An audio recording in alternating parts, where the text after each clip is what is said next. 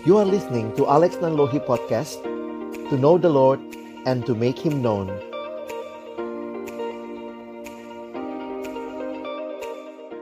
Saya bersyukur kepada Tuhan buat kesempatan ini boleh sharing dengan kakak-kakak sekalian dari berbagai daerah dan kita bersyukur bahwa Tuhan memberikan kesempatan seperti ini untuk kita saling berdiskusi.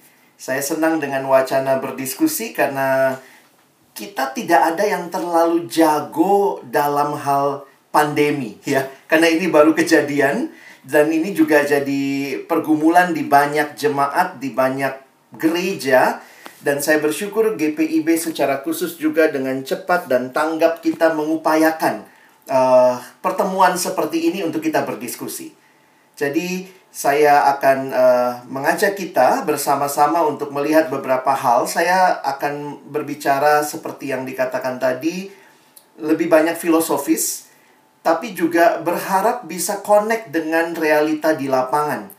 Dan karena kita lagi bicara pertemuan online, maka saya coba mengangkat beberapa um, apa ya uh, filosofi dasar yang perlu kita perhatikan. Nah, jadi kakak-kakak yang dikasihi Tuhan, saya siapkan presentasi ini. Saya mulai dengan um, slide ini ya. nah, realita bahwa kita ada dalam dunia yang berubah dengan sangat cepat membuat kita juga harus tanggap dengan perubahan. Dan bagi saya, ini bukan hanya pada waktu kita mengalami pandemi, tetapi sebenarnya pelayanan kaum muda secara khusus itu lebih awal, ya, harusnya lebih awal menanggapi perubahan. Dan saya pikir ini diskusi yang menarik sekitar uh, lima tahun terakhir untuk pelayanan kaum muda secara khusus. Dan yang menarik bahwa situasi corona ini makin membuat kita dipaksa untuk berpikir lebih jauh, lebih dalam, lebih kreatif, lebih inovatif berkaitan dengan pelayanan. Nah, ada satu bagian yang saya ingin sharingkan kepada kakak-kakak sekalian sebagai dasar berpikir yang saya pribadi juga gumulkan ketika semua ini terjadi. Uh, kesimpulan yang saya ambil dari apa yang terjadi sejak uh, Maret adalah krisis itu makin membuat kita menyadari apa sih hal yang esensi. Oke? Jadi krisis itu membuat kita juga makin melihat hal-hal esensi yang perlu dan harusnya terus kita jaga. Dan uh, diskusi kita sore hari ini saya pikir kita boleh bingkai dengan kerangka berpikir seperti ini. Krisis yang dialami gereja Tuhan bukan baru terjadi saat ini. Ketika terjadi krisis juga di masa awal gereja, saya mencatat dalam kaitan ayat yang akan saya bahas pada sekitar tahun 64 Masehi, pada saat itu juga ada krisis yang mungkin memang beda dengan yang kita alami. Kita mengalami karena penyakit tetapi pada waktu itu ada ancaman besar yang sedang melanda kekristenan di provinsi Asia. Provinsi Romawi yang meliputi bagian barat Asia kecil, sekarang itu di daerah Turki Barat dengan Efesus sebagai ibu kotanya. Sedikit kita lihat apa yang ada dalam konteks waktu itu. Kita bisa melihat bagaimana ada kota Efesus yang ada di tengah, begitu ya dan pada waktu itu, krisis melanda daerah-daerah yang uh, ada umat Allah, kekristenan di sana. Nah, pada waktu itu mereka menghadapi dua ancaman. Ya, jadi ancaman yang pertama ancaman dari luar yang berupa penganiayaan. Jadi dari luar penganiayaan dari orang-orang atau pihak-pihak yang memiliki kebencian terhadap Tuhan Yesus. Dan juga kepada pengikut-pengikutnya. Terutama karena apa? Karena justru perilaku hidup mereka yang berbeda. Perilaku hidup yang saleh, yang benar, yang kudus malah dibenci. Jadi itu yang pertama, ancaman dari luar, tetapi juga ada ancaman dari dalam jemaat sendiri, dari dalam gereja Tuhan yang pada waktu itu adalah ancaman ajaran sesat yang merusak iman orang percaya. Nah, di dalam situasi seperti ini, Paulus sebagai pemimpin jemaat ditangkap dan harus menjadi penghuni penjara di kota Roma. Nah, saya ingin kita merefleksikan Uh, karena ini bagian Alkitab yang secara khusus berbicara kepada saya di tengah-tengah situasi pandemi, situasi krisis yang terjadi. Waktu itu mulai bingung, apa yang harus dilakukan? Bagaimana kita bisa berkontribusi melihat hal-hal apa yang paling penting untuk dilakukan? Sehingga saya ingin membagikan apa yang menjadi keyakinan dari refleksi kitab 2 Timotius. Di tengah situasi yang tadi saya gambarkan, mari perhatikan bagaimana Paulus menulis surat kepada anak rohaninya Timotius, apa yang dia nasihatkan. Timotius ada dalam krisis, krisis yang tadi ada aniaya dari luar, ada pengajaran sesat dari dalam, sehingga kalau kita memperhatikan surat 2 Timotius secara khusus juga berbicara ajakan untuk menderita dan kewaspadaan menghadapi pengajar-pengajar sesat. Tapi ada hal lain yang positif yang Paulus tegaskan. Itulah refleksi 2 Timotius 4 ayat 2 dan ayat yang kelima. Beritakanlah firman, siap sedialah baik atau tidak baik waktunya, Nyatakanlah apa yang salah, tegurlah dan nasihatilah dengan segala kesabaran dan pengajaran. Dalam situasi krisis, teruslah beritakan firman. Itu nasihat yang disampaikan Paulus kepada anak rohaninya Timotius yang pada waktu itu sedang memimpin jemaat di Efesus. Dan di dalam ayat yang kelima berbicara lebih jauh tentang diri Timotius tetapi kuasailah dirimu dalam segala hal, sabarlah menderita, lakukanlah pekerjaan pemberita Injil, dan tunaikanlah tugas pelayananmu. Bapak Ibu beberapa tahun yang lalu kakak-kakak ya saya pernah membahas surat 2 Timotius dalam sebuah retret dan itu yang bergema kembali ketika situasi krisis kita alami di awal bulan Maret. Harus tutup semua dan kemudian jadi satu pergumulan apa yang harus dilakukan? Nah, di situlah saya merefleksikan 2 Timotius 4 ini. Dan ini kesimpulan yang saya dapatkan dalam refleksi ini. Bahwa memberitakan firman menjadi bagian yang terus harus dilakukan. Bahkan di tengah-tengah krisis yang sulit sekalipun. Sehingga bisa kita simpulkan beritakanlah firman pada segala kesempatan dalam segala kebenaran dan dengan segala usaha. Nah, ini hal yang saya coba refleksikan di tengah-tengah kita pun juga sedang berada dalam krisis. Saya pikir kalau Paulus juga hidup saat ini dia akan membawa pesan yang sama. Karena surat 2 Timotius yang diyakini sebagai surat terakhir Rasul Paulus, tidak lama kemudian setelah dia menuliskan surat ini, ada yang berkata para penafsir bahwa Paulus meninggal dunia, tetapi pesannya adalah beritakanlah firman. Dan pada waktu Paulus menulis surat ini, jangan lupa kakak-kakak yang dikasihi Tuhan, Paulus sendiri lagi ada di dalam penjara. Paulus lagi isolasi, karantina ya. Tapi situasinya beda ya, bukan karena COVID, tapi karena dia memberitakan Injil, dia harus ada dalam penjara. Dan pemenjaraan yang kedua kali di Roma digambarkan di dalam 2 Timotius pasal yang pertama sulit dikunjungi. Digambarkan sebagai penjara bawah tanah yang gelap dan dingin dan Paulus ada di situ.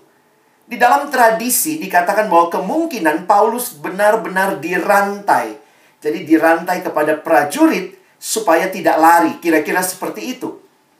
Belenggu dipasang pada Paulus istilah yang dipakai di belenggu, di uh, chain ya. Dan menarik sekali di dalam 2 Timotius pasal 2 ayat yang ke-9. Perhatikan kalimat Paulus. Karena pemberitaan Injil inilah aku menderita. Malah dibelenggu seperti seorang penjahat. Nah, bagian ini yang saya sangat suka. Tetapi firman Allah tidak terbelenggu.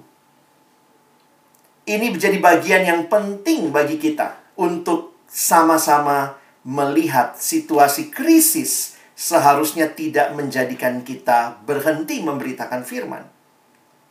Bahkan kalau kita merefleksikan lagi kehidupan Paulus, Paulus banyak menulis surat dari dalam penjara. Jadi penjara tidak menutup Paulus untuk say nothing ya. Saya sedang membayangkan Paulus menggunakan media di zamannya ya. Tentu pada masa itu tidak mudah seperti kita sekarang mendapatkan kertas begitu ya. Paulus harus pakai gulungan kitab, dia menulis tetapi lihatlah surat-surat yang dikatakan surat dari dalam penjara Efesus, Kolose, Filemon, Filipi. Jadi kalau Paulus saja saat situasi yang sulit di dalam penjara pada masa itu melahirkan surat-surat yang kita pakai sampai sekarang, bagi saya harusnya kita nggak ada alasan untuk do nothing ya.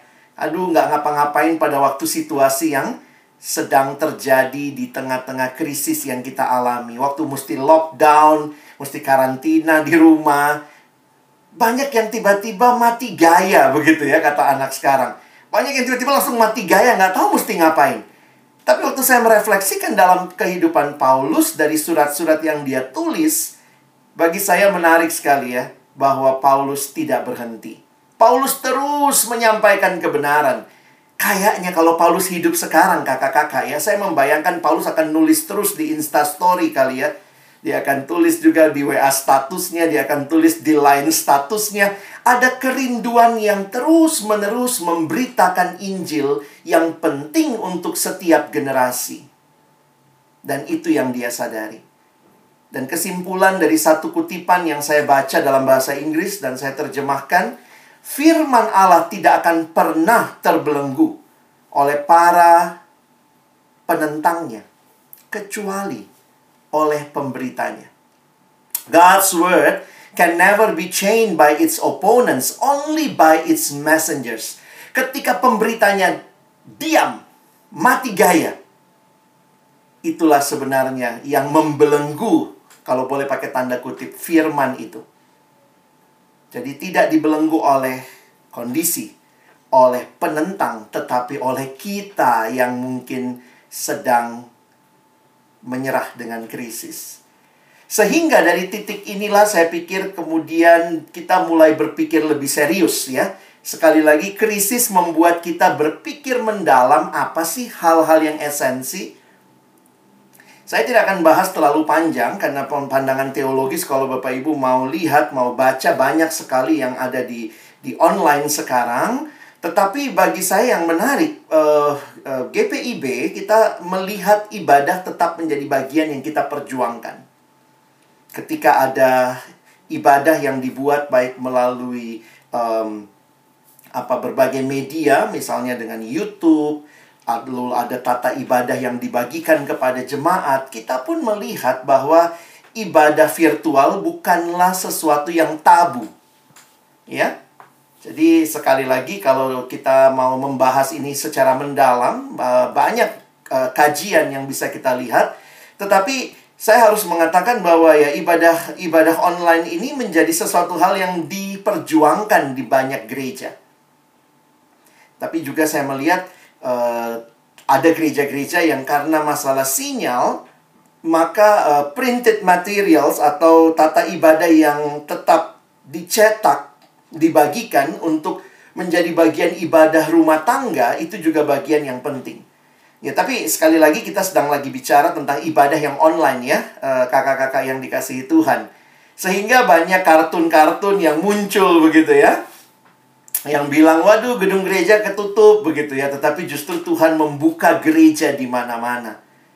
Jadi memang gereja di mana kita menyadari bukan gedungnya, biasanya hanya kita nyanyikan, sekarang benar-benar kita alami. Ini yang saya katakan tadi di awal, krisis ini makin membuat kita memahami hal-hal yang esensi seperti apa. Bukan berarti gedung gereja nggak esensi. Tetapi ketika gereja ditutup, maka gereja tidak hilang, tidak berhenti karena gereja adalah orangnya. Ya. Bahkan sekarang sudah ini juga ya yang yang dulu biasanya suka jajan-jajan ke gereja lain sekarang kayaknya makin bebas kali ya. karena bisa ikut ibadah di gereja mana saja gitu ya. Mau ikut online dari sini lalu lompat lagi ke sana. Lalu uh, berbagai uh, meme yang muncul begitu ya. Uh, pendetanya juga uh, harus menyampaikan firman dengan busana tapi nggak tahu bawahnya pakai apa begitu ya. Jadi ini semua uh, diskusi yang menarik sebenarnya untuk kita perhatikan. Tetapi bagi saya yang penting adalah melihat betapa pentingnya ibadah. Apa sih yang kita perhatikan di tengah-tengah situasi yang ada ketika ibadah diperjuangkan? Saya pikir ini bukan sekadar masalah kekinian. Kita buat ibadah online ya. Tetapi ini membuat kita menyadari bahwa ada yang sangat esensi dalam ibadah itu. Ada banyak konsep ibadah yang muncul. Saya mengambil salah satunya dari sebuah buku yang berkata ibadah yang benar adalah di mana seseorang mengalami perjumpaan dengan Tuhan dalam ibadah bersama dan perjumpaan itu mentransformasi hidup mereka yang hadir memang realita yang banyak dikeluhkan, kita kehilangan kebersamaan. Jadi, salah satu konsep dalam ibadah e, bersama adalah ya bersama. Dan banyak yang mengatakan kita kehilangan itu. Karena tetap berbeda yang namanya online dengan offline atau on-site, kita bisa ketemu di gereja bersama-sama. Tetapi tetap tidak meniadakan perjumpaan dengan Allah yang hidup kita disatukan oleh roh Allah yang membuat kita tetap menikmati persekutuan dengan Allah bahkan sebenarnya dengan sesama orang percaya. Jadi kalau kita mau kaji lebih dalam sebenarnya secara teologis memang tidak ada masalah yang sangat uh, keberatan berkaitan dengan ibadah ini. Memang ada yang hilang, tetapi akhirnya kita menyadari perjumpaan dengan Allah itu menjadi sesuatu yang tetap kita perjuangkan bersama. Di mana ada hasil dari perjumpaan dengan Allah, di mana Allah dimuliakan dan umat dikuduskan.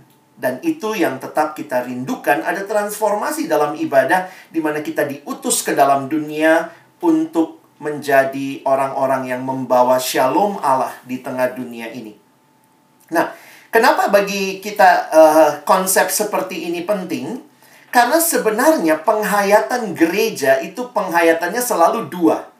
Yang bertemu secara langsung dalam sebuah masa, tetapi juga gereja selama ini memiliki penghayatan terhadap kesatuan yang sifatnya rohani dengan Kristus dan dengan umat Allah. Contohnya saja, kita menghayati Allah hadir begitu ya. Dan kehadiran Allah itu kita rayakan bersama, kita responi dalam ibadah. Nah, termasuk juga waktu kita menghayati kesatuan kita dengan umat Allah sepanjang masa. Seringkali kita mengatakan, marilah bersama dengan gereja Tuhan di segala abad dan tempat. Jadi kesatuan yang sifatnya um, rohani itu kita sadari sebagai kesatuan dengan tubuh Kristus secara universal. Nah, jadi ayat yang saya pikir bisa menolong kita untuk bisa menghayati ini ada beberapa ayat tapi saya pilihkan hari ini berkaitan dengan Allah adalah roh dan siapa yang menyembah dia harus menyembah dia di dalam roh dan kebenaran. Ini adalah jawaban Yesus ketika ber, ber, ber, uh, berbicara dengan perempuan Samaria di pinggir sumur Jacob's Well, sumur Yakub. Dan waktu perempuan ini berdalih tentang di mana mereka beribadah. Orang Yahudi beribadah di Yerusalem, orang-orang uh, Samaria ber, beribadah di Gunung Gerizim. Dan pada waktu perempuan itu mengatakan hal demikian, maka Yesus menjawabnya demikian. Kata Yesus kepadanya, "Percayalah kepadaku, hai perempuan, saatnya akan tiba bahwa kamu akan menyembah Allah, menyembah Bapa bukan di gunung ini, maksudnya di gunung Gerizim, sebagaimana layaknya kebiasaan orang Samaria, dan bukan juga di Yerusalem, tempat orang Yahudi beribadah, karena bait Allah ada di Yerusalem. Tetapi perhatikan kalimatnya, kamu menyembah apa yang tidak kamu kenal, kami menyembah apa yang kami kenal sebab keselamatan datang dari bangsa Yahudi. Tetapi saatnya akan datang dan sudah tiba sekarang bahwa penyembah-penyembah benar akan menyembah Bapa dalam roh dan kebenaran sebab Bapa menghendaki penyembah-penyembah demikian. Allah itu roh dan barang siapa menyembah dia harus menyembahnya dalam roh dan kebenaran. Jadi teman-teman, kakak-kakak yang dikasihi Tuhan menghayati ayat ini, kita melihat bahwa ada satu reformasi yang Yesus lakukan sebenarnya berkaitan dengan ibadah umat Allah. Dan saya mengutip juga observasi teman saya seorang sosiolog yang dia mengatakan kayaknya gereja mengalami reformasi lagi dalam pandemi ini reformasi untuk kembali melihat hal-hal esensi apa yang penting di dalam gereja.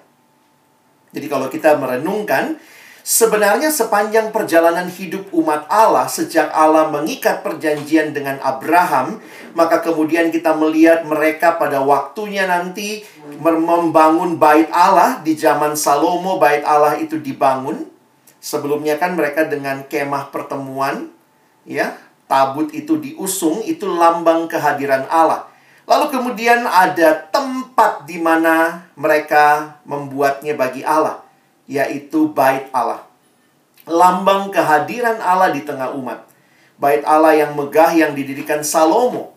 Dan kemudian dalam perjalanan kalau kita lihat sejarah bagaimana hancur bait Allah itu. Jadi kalau kita mengingat peristiwa hancurnya bait Allah, maka itu memberikan juga bagi umat tentunya kegamangan ya. Mereka mulai gamang bagaimana bait Allah tempat Allah hadir ini hancur. Sehingga mulailah mereka beribadah di rumah-rumah, di tempat-tempat mereka dan juga para ahli teologi ada yang mengatakan di masa itu muncullah kemudian konsep sinagoge sinagoge. Jadi uh, mereka tidak ada di Yerusalem, kehadiran Allah yang dihayati di Yerusalem ternyata mereka sadar, oh iya ya, Allah ternyata maha hadir, dia hadir di semua tempat, dan karena itu kemudian menghayati apa yang penting di dalam ibadah, yaitu kehadiran Allah sendiri. Ketika gedung gereja menjadi segala-galanya, ketika bait Allah menjadi segala-galanya, melalui sejarah Allah mau menegaskan aku tidak dibatasi oleh gedung. Aku tidak dibatasi oleh bangunan. Yang Yesus katakan siapa yang mau menyembah Allah adalah roh sehingga kita bisa menyembah dalam roh dan kebenaran. Tentu bukan berarti sekali lagi tidak butuh baik Allah tempat umat berkumpul. Bukan berarti tidak butuh gereja tempat kita bersekutu. Tetapi di tengah situasi yang tidak normal seperti ini, atau yang kita sekarang mulai sebut new normal, gereja mengalami reformasi, menemukan lebih dalam lagi apa yang penting di dalam ibadah.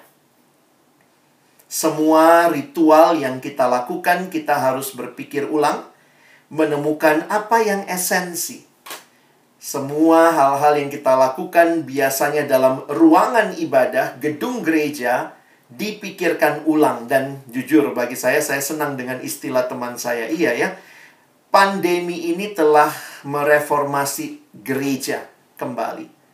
Gereja yang mungkin sudah terkungkung dengan segala hal yang ada, boleh melihat lagi apa hal yang lebih utama. Sehingga di dalam ibadah kita melihat khususnya dalam situasi virtual ini kita bergerak dari dulunya kita bicara where di mana ibadahnya, tempatnya di mana sekarang kita bicara ibadah itu berkaitan dengan kepada siapa kita datang.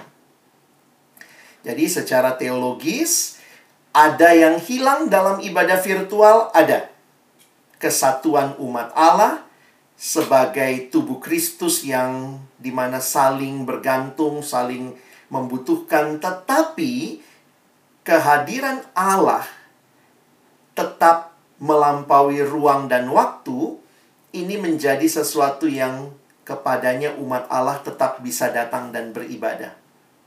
Jadi, secara khusus uh, saya melihat uh, gereja paling tidak buat kita juga ya, gereja Protestan Indonesia bagian barat melihat ibadah ini menjadi sesuatu yang terus kita perjuangkan. Perjumpaan umat Allah dengan Allah. Dan bersyukur ini diperjuangkan. Ya, diperjuangkan oleh banyak eh, kakak-kakak yang juga berjuang. Tentunya kalau di gereja pasti juga ya eh, majelis jemaat semua sudah berpikir bagaimana melakukan ibadah secara online dan juga dengan arahan dari majelis sinode kita bersyukur tetap ada ibadah yang diperjuangkan, tata ibadah yang dibagikan ketika kita tahu tidak semua jemaat punya akses kepada uh, informasi atau internet yang ada. Nah, kita masuk lebih jauh. Jadi kakak kakak-kakak saya sebenarnya punya dua tugas ya, tugas besar menjelaskan tentang ibadah virtual secara teologis dan bagian yang kedua sebenarnya adalah bagaimana kita memikirkan pelayanan mengemas firman Tuhan dengan tepat, dengan baik kepada adik-adik teruna kita. Nah, sekarang kita bisa melihat ya bagaimana uh, the way forward mau ke arah mana kita, ya. Nah, uh, ini yang menarik untuk kita perhatikan bahwa pelayanan online ini menjadi pelayanan yang saya berpikir ini akan tetap menjadi hal yang akan tetap ada ke depan. Jadi, kalaupun nanti kita sudah tetap muka, saya tetap meyakini bahwa beberapa konteks kita tetap bisa melakukan ibadah online. Kalau ternyata vaksin nanti sudah ditemukan dan ternyata juga mungkin masih harus uji coba dan seterusnya, maka gereja mungkin tetap menjadi tempat yang tidak aman untuk orang tua, untuk anak-anak. Karena saya pikir dengan kita melihat kebijakan khususnya pemerintah kita ya dengan tidak membuka sekolah saya pikir pun nanti kalau sudah tatap muka, tidak semua orang tua akan sangat memberi anaknya datang ke IHMPT. Mungkin ya. Ini saya bayangannya seperti itu. Tapi kalaupun kita bisa melakukan secara offline, karena beberapa gereja kalau yang di daerah-daerah hijau sebenarnya no problem dengan hal itu, tetapi ini juga bisa kita pikirkan sebagai salah satu alternatif. Jadi mungkin kalau nanti sudah uh, offline kembali ke gereja, tapi mungkin tiga bulan sekali, enam bulan sekali kita bisa bikin online se-GPIB misalnya, itu juga sebenarnya sesuatu yang akan menarik. Jadi bagi saya begini, jangan jangan jangan merasa bahwa ibadah online ini uh, pengalaman sekali dan nggak akan terulang, tapi mungkin akan menjadi salah satu pilihan bahkan ketika sudah offline lagi. Jadi itu itu cara berpikir saya aja ya yang saya pikir nanti kita bisa melihat ya. Nah, sekarang yang jadi pertanyaan adalah bagaimana bentuk online ministry ini? Jujur aja makin saya melihat pergumulan pelayanan ini menjadi hal yang menarik bahwa uh, ketika beberapa gereja bahkan tidak buka ibadah sampai di minggu kedua, minggu ketiga setelah pandemi, saya jadi berpikir, sebenarnya gereja itu tiangnya apa saja sih?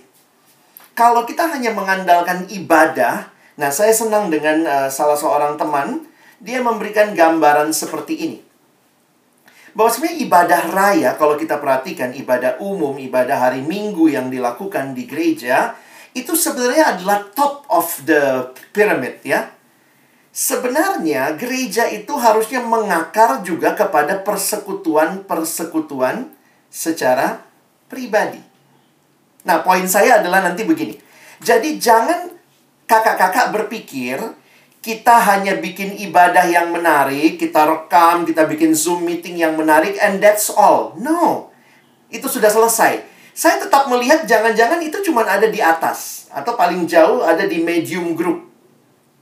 Yang harus kita terus upayakan adalah juga pelayanan pribadi yang harusnya tidak boleh tidak ada. Kira-kira seperti itu.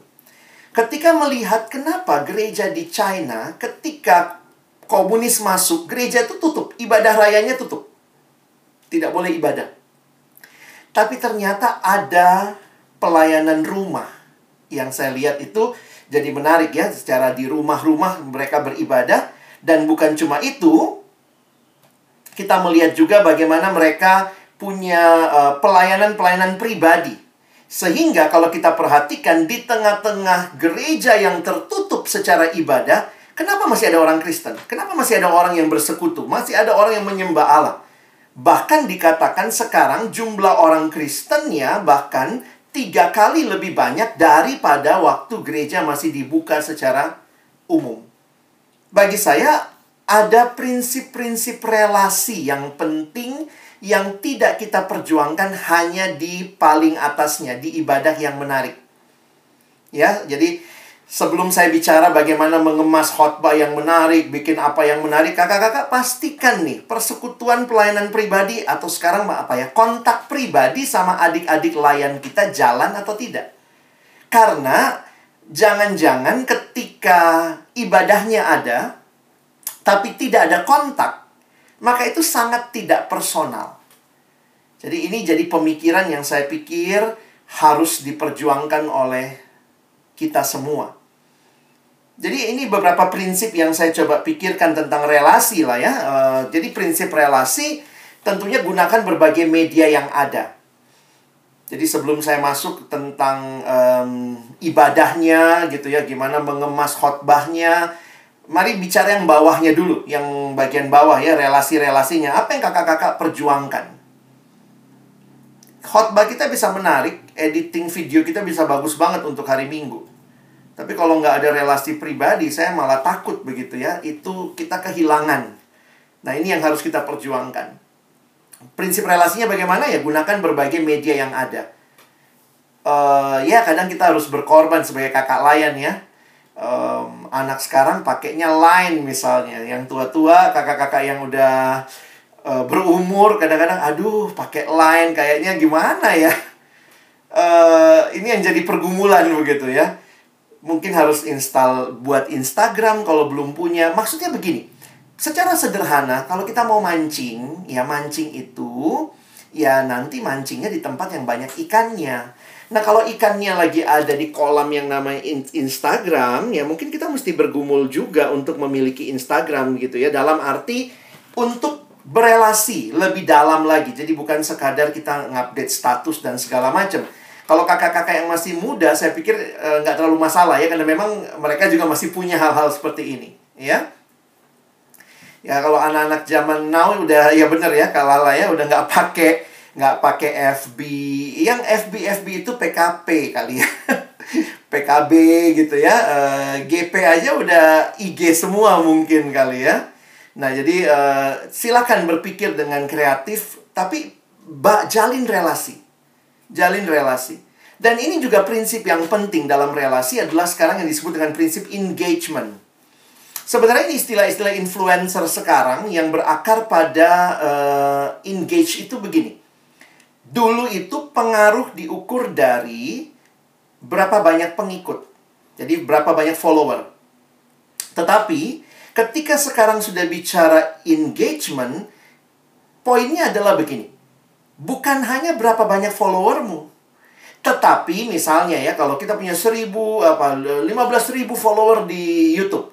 Tetapi ketika kita online misalnya berapa yang nonton? Nah itu engage. Kalau yang nonton cuma dua berarti engagementnya dua. Dulu influence diukur dari follower. Sekarang diukur dari engagement. Makanya perhatikan semua influencer ngomongnya apa. Jangan lupa like, comment, and share gitu ya. Subscribe, like, comment. Nah, itu adalah bentuk engagement. Ada yang komen yang kita yang meresponi apa yang kita sampaikan. Nah, saya harus katakan kalau mengandalkan hanya ibadah besar, apalagi cuma rekaman, maka engagementnya itu rendah. Mungkin yang nonton bisa banyak ya. Hari kedua kita posting di YouTube yang nonton naik tuh ya, naik terus. Tapi jangan lupa loh, ada yang cuma nonton sedikit, dua menit dia nonton, tetap di, dihitung dia nonton. Nanti teman-teman mesti lihat nanti kalau yang pakai YouTube begitu ya. Uh, ada ada bagian yang menarik tuh. Lihat di situ ada yang namanya um, retentionnya berapa lama. Jadi bisa jadi video kita ditonton banyak orang tapi cuma dua menit dari 50 menit video kita. Nah, ini jadi jadi hal-hal yang perlu kita pikirkan. Jadi kembali lagi saya harus katakan pelayanan pribadi menolong engagement. Kalau tidak, kita kehilangan engagement. hanya senang bahwa oh tadi waktu kita Zoom meeting yang datang sekian loh. Tapi yang datang itu bisa jadi dia sambil tiduran, dia sambil biar dianggap ada, dia nyalain aja, camnya dimatiin, kita nggak tahu dia lagi ngapain, begitu ya. Eh, sorry, saya nggak menyinggung yang lagi matiin cam ya. Karena memang situasinya kita ada di rumah. Kita bisa sambil masak, dengerin, sambil nonton TV, nonton drama Korea, itu sangat-sangat mungkin.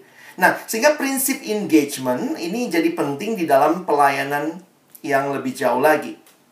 Dan akhirnya juga adalah prinsip uh, personal mentoring. Jadi sekali lagi bukan cuma di kelas. Dan sebenarnya jangankan waktu pandemi harusnya sih kita begini sama adik klien kita waktu nggak pandemi juga gitu ya. Jadi jangan baru pandemi baru mulai pikir begini tapi ya paling tidak kita masih diingatkan ya. Nah, sekarang jadi berpikir bagaimana berjalan bersama dengan mereka karena bagi saya ini yang penting nih. Jadi kita kontak dengan baik dengan adik-adik kita, kita uh, tetap punya komunikasi dengan mereka, kita bisa jadi teman doa mereka, kita ada di room atau di grup yang mereka ada, kita saling menyapa. Bahkan saya harus katakan begini, kalaupun kita punya grup PT, chattinglah adik-adik itu bergantian secara pribadi. Ya, mungkin di grup itu nggak semua akan respon Kakaknya bilang, halo selamat pagi adik-adik, apa kabar? Cobalah chat secara pribadi, bagi-bagi kakaknya berapa orang, misalnya ya, bagi satu orang lima nama, dia yang chatting, dia yang tanyain, dia yang berdoa bersama adik itu. Dan saya pikir dalam situasi-situasi seperti ini, di mana banyak orang mulai bosan, mulai kesepian, ibadah online sudah mulai menurun. Nah ini, itu yang perlu kita pikirkan ya. Jadi nanti pilihan-pilihan online offline Nah ini mesti kita pikirin Termasuk juga saya nggak tahu apa yang kakak-kakak lakukan di gereja kakak-kakak ya ada yang melakukan ibadah dengan Zoom. Nah, itu sebenarnya uh, ibadah yang di dalam ilmu pendidikan ada teorinya juga. Saya baru tahu juga waktu teman saya bilang, "Iya, Lex, ada yang namanya sinkronos." Jadi pada saat yang sama. Jadi kita mau engagement yang penuh, jadi biasanya pada saat yang sama sinkronos itu ya kalau kita lagi Zoom, Nah, itu kita meeting ya itu langsung. Tapi ada juga yang asinkronos. Asinkronos itu misalnya direkam dulu. Jadi udah ada rekamannya nanti tinggal tayang di YouTube begitu ya. Tapi juga ke depan ada yang mungkin namanya hybrid. Jadi ada sinkronosnya dulu atau asinkronosnya dulu habis itu kemudian sinkronos. Bisa begitu. Nah, tapi bagi saya yang jangan lupa personal ministry juga penting. Kadang-kadang sekali lagi kita tuh sibuk cuman dengan yang penting Eh besok nih mana kakak ini yang khotbah dia udah syuting belum? Dia udah rekam belum? Jangan lupa Akhirnya kita sibuk hanya hal-hal seperti itu Kita lupa touch personal dengan adik-adik kita dan mari kita mulai berhenti lah ya mengeluh gitu ya dengan situasi aduh kayaknya eh, enakan kalau offline memang sih karena kita udah terbiasa ya Daripada kita mengeluh, saya mungkin mengusulkan aja, mari kita memaksimalkan kekuatan media online. Jadi jangan selalu bicara, aduh online nggak bisa begini, online nggak bisa begitu. Emang sih, sekarang ya kita perlu pikirin apa yang online bisa lakukan. Supaya kita pun bisa memaksimalkan. ya. Dan di sinilah kita mesti mulai dengan yang, ya ini istilah kreatif Kakak-kakak yang dikasihi Tuhan, dalam pergumulan saya bicara ke kreativitas, ternyata kreativitas itu sederhana loh. Ada orang bilang, wah dia kreatif nih, memang anaknya sanguin begitu ya. Oh dia kalau pimpin games banyak lagunya, banyak permainannya. Bagi saya kreatif itu nggak, nggak selamanya dikaitkan dengan talenta dasar seseorang. Karena poinnya di dalam teorinya, semua orang bisa kreatif. Karena kreatif itu berkaitan dengan apa? Proses berpikir. Saya bisa kreatif kalau saya mau mikir. Jadi yang nggak mau mikir itu yang nggak bisa kreatif gitu ya.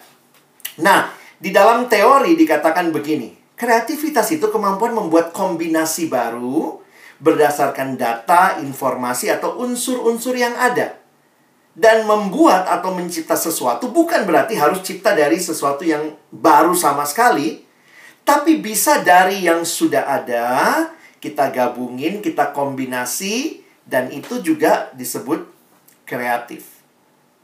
Jadi saya lihat juga, saya pikir beberapa kakak kalau offline juga sudah bagus gitu ya mengajarnya. Dan kita di SBT ada ya dikasih tahu misalnya bisa coba ini, coba itu. Jadi bisa bahkan uh, kreatif menggabungkan, ya. Nah, tipsnya apa? Ya ini terus belajar, jangan berhenti belajar lah. Kakak-kakak udah ngajar berapa tahun? 10 tahun? 15 tahun? Kalau engkau tidak belajar, engkau tidak berani mencoba hal baru, tidak keluar dari boxmu, jangan-jangan kita jadi pengajar yang kelindes dengan zaman. Saya pikir di sini kuncinya. Jadi bagi saya bukan masalah tua atau muda. Ada orang yang tua tapi tetap relevan karena dia mau belajar.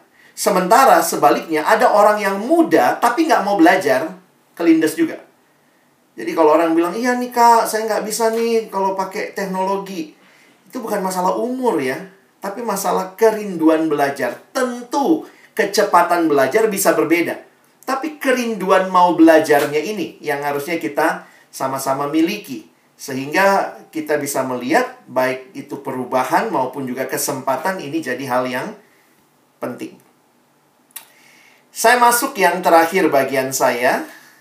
Nah, ini yang mungkin eh, kakak-kakak juga tunggu ya. Tapi saya sekali lagi harus katakan waktu terbatas, saya hanya bisa kasih filosofinya. Bagaimana menyiapkan khotbah yang menarik? Apalagi sekarang mereka belajarnya aja online. Jadi aduh, anak-anak sekarang tuh sebenarnya kalau mereka boleh ngomong ya, bosen tingkat dewa gitu ya. Udah uh, belajarnya online, natap screen gitu ya. Dan uh, sisi yang lain ada satu slide, teman-teman bisa lihat slide berikut ya. Ini anak PA sih ya, kira-kira ya dari dari satu orang yang saya kutip slide-nya. Ini kira-kira anak PA nonton IHMPA. Dua menit awal masih ceria. lima menit nyender, tujuh menit ya, sepuluh menit. Saya bisa bayangin gitu ya Kira-kira teruna kayak apa ya? Ya kita nggak mau lah ya waktu kita khotbah atau kita IHMPT pada tidur gitu ya. Maunya kan orang semangat begitu, Te tepat sasaran begitu. Maka saya harus ingatkan, nah di sinilah kita punya pergumulan yang sama. Tapi jangan lupa, sebelum kita bicara kreatifnya lagi, nah ini yang harus kita ingat sama-sama. Sebelum kita bicara yang kreatif-kreatif, kakak-kakak, ingat betul-betul bahwa kita sedang menyampaikan firman Tuhan. Jadi jangan jangan jangan apa ya? Kadang sekarang kita tuh sibuk dengan cari kreativitasnya. Memang sih kita mau orang nggak bosen, tapi akhirnya tidak punya waktu yang cukup untuk menggali firmannya. Makanya ada yang bilang sama saya, Kak, kok susah banget sih nyampein firman? Saya bilang logikanya sebenarnya nggak sulit menyampaikan firman. Kalau kamu nyampein firman gak sulit karena kan apa kata firman sampaikan. Yang sulit itu karena apa kata kamu, apa kata buku ini, apa kata orang ini. Kita yang mau nambah-nambahin jadi banyak begitu ya. Tapi kalau nyampein firman, firman bilang apa? Ya udah, sampaikan. Kan poinnya begitu ya. Jadi memang pertanyaan yang menarik dari seorang hamba Tuhan dalam satu webinar yang dilakukan kemarin begitu ya. Dia tanyanya begini benarkah kita sedang mengkhotbahkan Alkitab? Jadi poinnya begini, semenarik apa pun presentasi kita, kalau bukan Alkitab yang disampaikan, itu sama kayak motivator, teman-teman, kakak-kakak yang dikasih Tuhan. Jadi, jangan jangan buang SBT-nya ya. Apa indikasinya? Kita sedang mengkhotbahkan Alkitab. Nah, dia kasih contoh begini. Ada orang nafsirnya se sekenaknya. Menarik juga ya, gambarnya sekenaknya.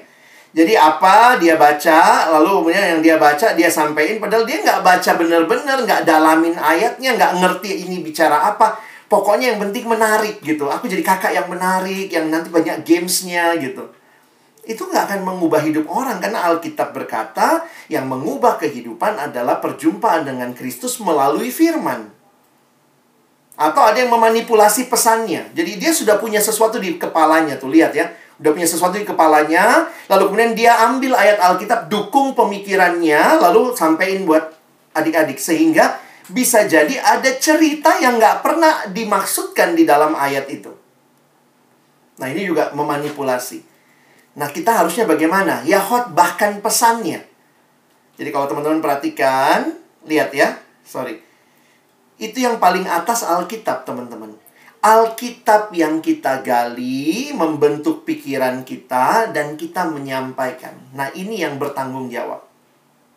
Bagaimana mengotbahkan pesannya? Nah, saya pikir kita udah ditolong dengan SBT ya.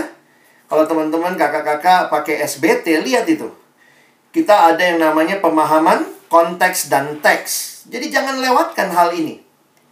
Baca baik-baik, persiapan dengan baik dengan pendeta atau mungkin uh, majelis pendamping persiapan siapkan tuh ada masalah pesan teologisnya dan aplikasinya bagi saya sebenarnya masa pandemi ini yang kita pikirkan itu lebih kepada bawahnya tuh bagaimana penyajian materi atasnya nggak berubah jadi jangan pikir karena lagi begini atasnya berubah enggak yang kita sedang nanti pikirkan waktu bicara kreativitas menyampaikan materinya. Nah, makanya sebenarnya dalam tahap persiapan ada dua hal yang perlu diperhatikan ya. Bagaimana menyusun khotbahnya, pakailah semua yang tadi itu, ya. Maka ada openingnya, kalau kita nyusun khotbah gitu ya, sudah mungkin sudah ikut pelatihan bagaimana ada bagian pembukaannya, ada bagian isinya, dan ada bagian penutupnya. Nah, sekarang yang mungkin kita harus pikirkan setelah jelas pesannya, maka bagaimana menyampaikannya.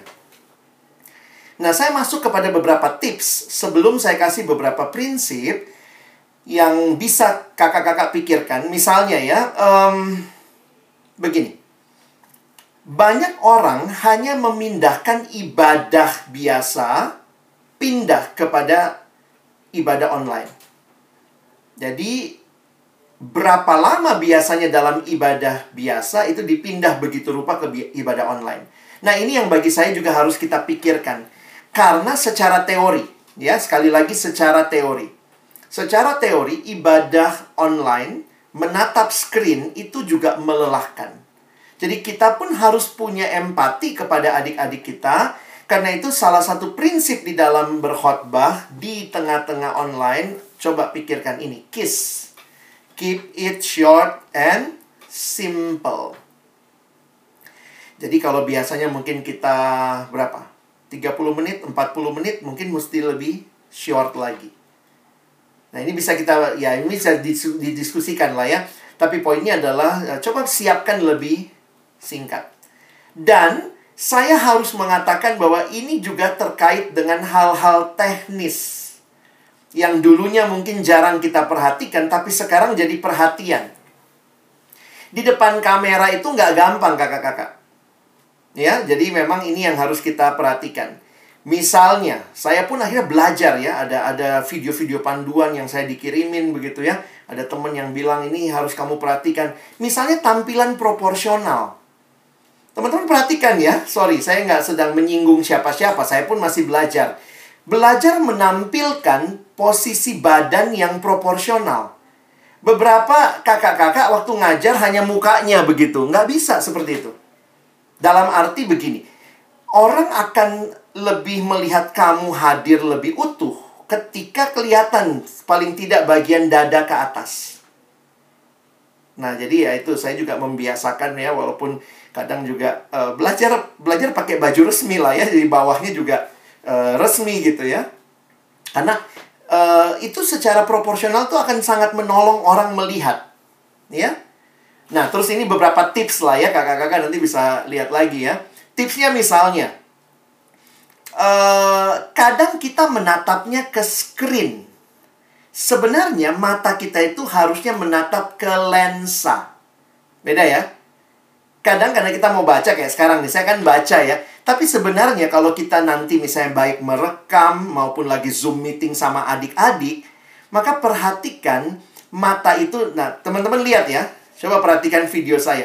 Ini saya lagi lihat screen. Saya baca. Nah, ini saya lagi lihat lensa kamera yang bulat.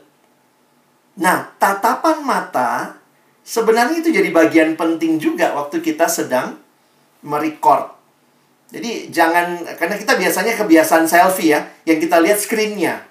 Padahal harusnya yang kita lihat adalah uh, lensanya. Wah itu itu ada teorinya semua. Perhatikan pencahayaan. Teman-teman di beberapa kali pelayanan saya lihat ada orang nggak terlalu perhatiin pencahayaan hanya sekedarnya. Bagi saya sih kalau kita memang mau memberikan yang terbaik, pikirkan pencahayaan, kita ada di bawah lampu yang terang, suara audio, kalau bisa pakai headset, mengurangi noise. Dan kalau itu direkam, maka pastikan proses penyuntingannya baik. Nah ini semua hal-hal yang kayaknya dulu nggak pernah kepikir ya. Saya kalau bawain training khotbah juga nggak pernah seperti ini. Tapi waktu perhatikan iya ya, ini paling tidak realita yang dibutuhkan sekarang. Nah, satu prinsip yang saya pelajari sebenarnya ada satu prinsip yang namanya epic. Jadi sebagai bagian terakhir saya mau sharing sedikit tentang epic generation yang saya coba mengajak kakak-kakak berpikir begini. Coba pikirkan, masukkan hal-hal seperti ini di dalam khotbah kita karena ada satu ahli yang mencoba melihat kita sedang melayani generasi yang epic. Sebenarnya epic ini sendiri singkatan dari dia pakai empat uh, hal tadi ya. Yang pertama, epic itu adalah ada dalam epic culture Nah, ini gambaran generasi milenial secara khusus. Mereka itu belajarnya melalui proses experiential. Yang kedua, mereka senang participatory, mau terlibat, mau berkontribusi. Selanjutnya image driven, selanjutnya connected. Paling gampang begini deh. Lihat semua platform digital yang ada sekarang itu semuanya paling tidak mengempower empat hal ini. Saya ulangi. Perhatikan platform digital kita. Baik medsos, misalnya apa? Facebook, terus kemudian sekarang yang lebih update lagi kan IG ya, Instagram ya. Jadi perhatikan fitur-fitur yang diciptakan, kenapa generasi itu suka dengan fitur itu? Karena mereka dilibatkan. Mereka bisa memberi masukan. Mereka banyak stikernya. Kenapa lain itu disukai? Banyak stikernya. Karena ini generasi yang kadang-kadang sulit mendeskripsikan, tapi bisa menggambarkan.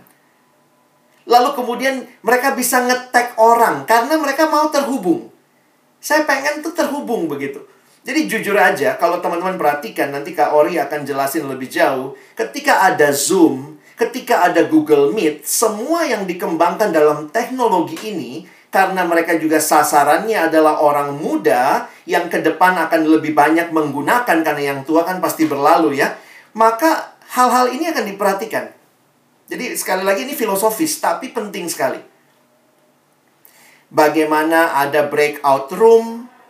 Bayangkan ya, gimana orang sebanyak ini tapi mau connected. Ya oke okay lah, dia bikin breakout room. Lihat ada image driven. Coba perhatikan. Ayo kasih komen. Ayo emojinya apa. Ini generasi emoji. Bahkan di Zoom ada emoji. Ada partisipatori. Silakan yang mau ngomong bisa ngomong di live chat. Dan memang experiential ini mendapatkan pengalaman berkaitan dengan hal ini. Nah, sebenarnya baik online ataupun offline harusnya kita mengajar seperti ini karena generasinya generasi seperti ini. Nah, memang buat kita yang yang yang agak tua suka merasa saya ngajarnya dari dulu begini. Satu arah. Kamu dengar, duduk diam, nggak boleh gerak. Kalau saya ngajar kamu nggak boleh gerak. Ya, anak sekarang agak sulit. Karena apa? Di sekolah mereka belajarnya bergerak. Ayo, misalnya bahkan sekarang ada moving classroom. Nah, jadi Uh, ya ini kalau mau dibahas bisa panjang ya kakak-kakak ya tapi ini teorinya lah experiential, participatory, image driven and connected. Nah ini beberapa hal yang saya coba uh, berikan sebagai aplikasi terakhir lah ya. Karena itu usahakan kalau khotbah ada PowerPoint misalnya itu kan salah satu contoh misalnya image driven ya menguatkan apa yang kita omongkan. Jujur aja saya kadang-kadang kalau khotbah kadang suka unik juga kok ada adik-adik yang screenshot slide-nya. Jadi bukan muka saya gitu ya. Karena memang kalau saya lagi presentasi gini muka saya yang kecil, slide saya yang gede, yang di screenshot slide-nya. Oh ya juga ya, berarti makin meneguhkan ya bahwa uh, menggunakan slide menolong mereka belajar karena ini generasinya seperti itu. Image driven Sorry, apakah sudah kembali suaranya? Oke. Okay. Image driven juga bicara tentang misalnya kakak-kakak bisa pakai video, pakai YouTube begitu ya. Nah, ini hal-hal yang bisa bisa kita kembangkan. Ketika mengajar teruna beberapa minggu yang lalu, saya mulai dengan melibatkan mereka. Saya mau tanya kepada mereka, apa yang saya tanya? Bagaimana perasaanmu minggu ini? Apa yang saya buat ya saya pakai aja gambar ini, gambar yang mungkin mereka juga bisa mengekspresikan. Saya minta tolong kamu tulis, kamu minggu ini apa perasaanmu, lagi nomor berapa. Hanya untuk mengetahui nanti mereka jawab di live chat ya. Jadi mereka tidak hanya nonton kita khotbah. Tapi kita merasa mereka ada di sana dan kita peduli dengan kehadiran mereka, kita peduli dengan perasaan mereka. How do you feel?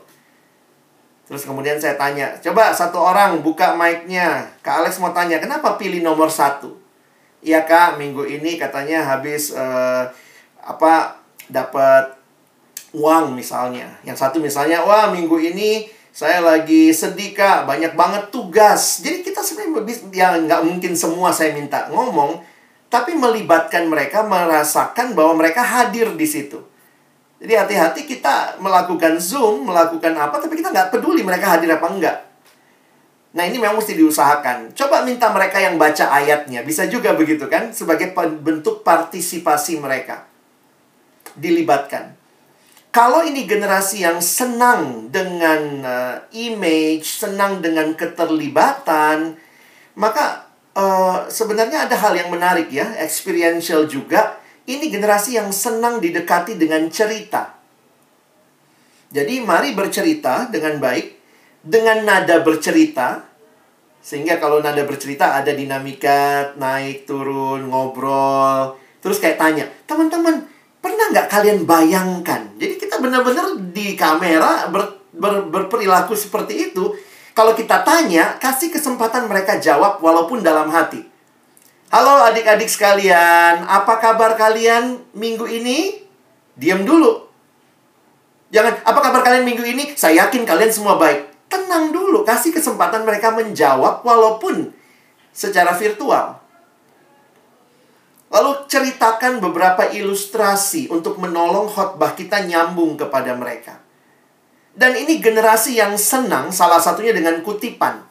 Karena ketika kita mengajar dengan panjang, biarlah ada hal-hal yang dikutip yang mungkin akan mengcapture perhatian mereka. Jadi saya biasanya kalau pakai slide, ada juga hal-hal yang saya kutipkan begitu ya.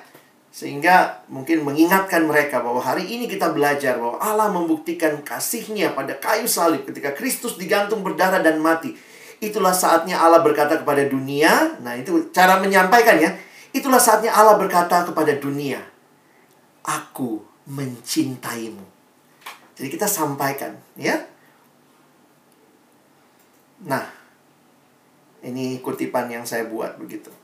Dan mungkin yang terakhir, mari kita setelah mengajar atau pada waktu mengajar kita bisa mengkonek mereka. Nah, ini harus kita usahakan juga. Beberapa kali misalnya, tolong ya sesudah ibadah nanti kalian share ya, dapat apa. Nah, sekarang anak-anak sekarang kan biasa dengan hashtag. Nah, kita bisa tentukan hashtag tertentu, kita suruh mereka misalnya upload, kamu belajar apa dari hari ini, tolong upload ke Instagrammu pakai hashtag ini.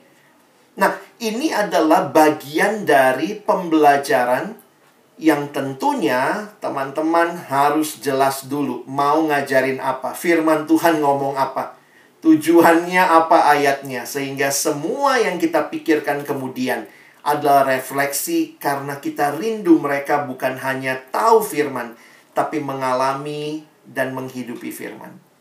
Nah, kiranya pemaparan ini menolong teman-teman untuk bisa melihat bagaimana mengupayakan pelayanan yang lebih baik. Baik, terima kasih Kak. Saya kembalikan pada Kak Yanti.